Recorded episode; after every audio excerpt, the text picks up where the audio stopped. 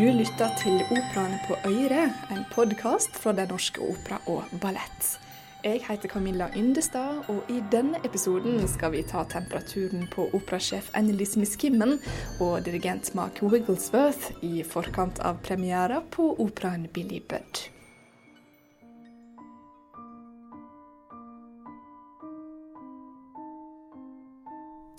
I remember the first time I arrived at the Opera House, and uh, you walk in the main doors and you walk straight towards the light on the other side of the lobby and down to the water. Um, on a good day, it's the nearest thing to having a ship as an opera house.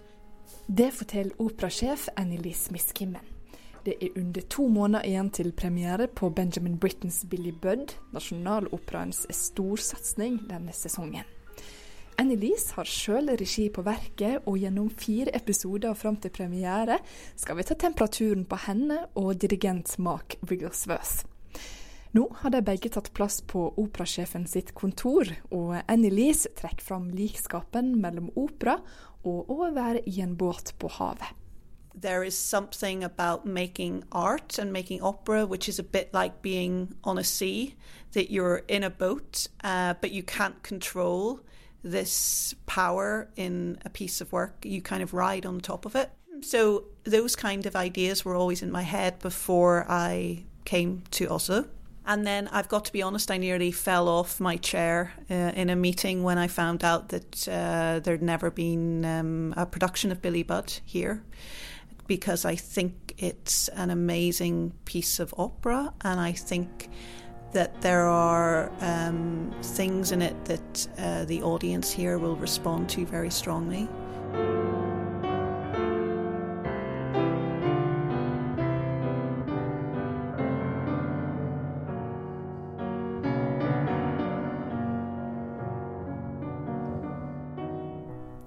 I Billy Budd består besetninga av bare menn. I tillegg til solister og de mannlige sangerne i operakoret, er òg Det Norske Solistkor med denne gangen. På scenen skal det være 72 mannlige sangere, noe som gjør noe med hele atmosfæren i produksjonen. It is all male. There are no women in the um, production. So it's a very masculine energy in the room, which is interesting in itself. You say that as a woman. Hmm. I find this is the second opera I've done this year with only a male cast, a Janacek opera, which is also main, mainly men. There is a fascinating dynamic in the room with only, basically only men performing. It's very relaxed, and you realise how much is going on between the sexes in a more normal scenario. And uh, to take all of that, whatever that is, um, away, there's there's a you get on with a lot of work very quickly.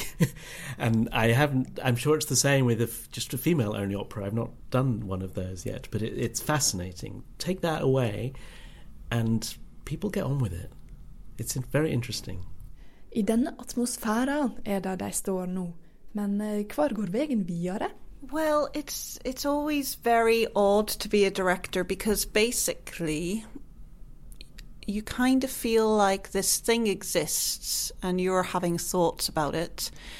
And everyone is ahead of you in the music but you're running to help them um, have a vision of the dramatic nature of the piece so at the beginning you have this um, interesting dynamic where uh, everyone kind of knows the score in their heads but not a lot of people know what's in the director's head. So a lot of the thing I find um, it's part of the process, but at the beginning I feel like I talk too much. And what you want to do is get to the stage where you've talked a lot and you've put ideas in people's head, but yet it all then starts to coagulate together into a more organic process. Um, the obvious thing to say about opera is that y every decision has to be a musical and a dramatic one, and you can't make one decision without the other. And what I find, I used to find stressful, and now I find it more enjoyable, is that you cannot come too prepared musically because your choices and your views are so affected by the way you're going to tell the story dramatically. And so, how a character sings a line is obviously a dramatic choice with musical consequences, but the the decision comes from a dramatic place. So it's very. I love the thing I love most about opera is working with the director and the, and then with the singers, of course, to create something that none of us imagined really before we, we arrive. We all have our own. We come with a series of possibilities. And what we think is not acceptable, and what we, we mm. think is, and then the work together mm. refines that into something uh, into something more more defined. Yeah, and I think I'm the same. You know, I, I don't. I come with a structure and some ideas and what I think, but there's no point in making all the decisions and treating people in the room like robots. It's so boring and it's not creative. So that's part of it as well. You know, a lot of these singers I do know already. Um, some of them are new to me, so you never know what the chemistry is going to be between them, and therefore what, how that feeds into their interpretation of the characters. And um, already today, people are coming up with things that I hadn't thought about. We've got people in the cast who've never sung their roles before, ne- never sung in Billy Budd at all. And then we've got these amazing uh, singers who have uh, sung the role many, many times. And, you know, I'm learning from them as much as uh, I'm directing them, which is also fun as well.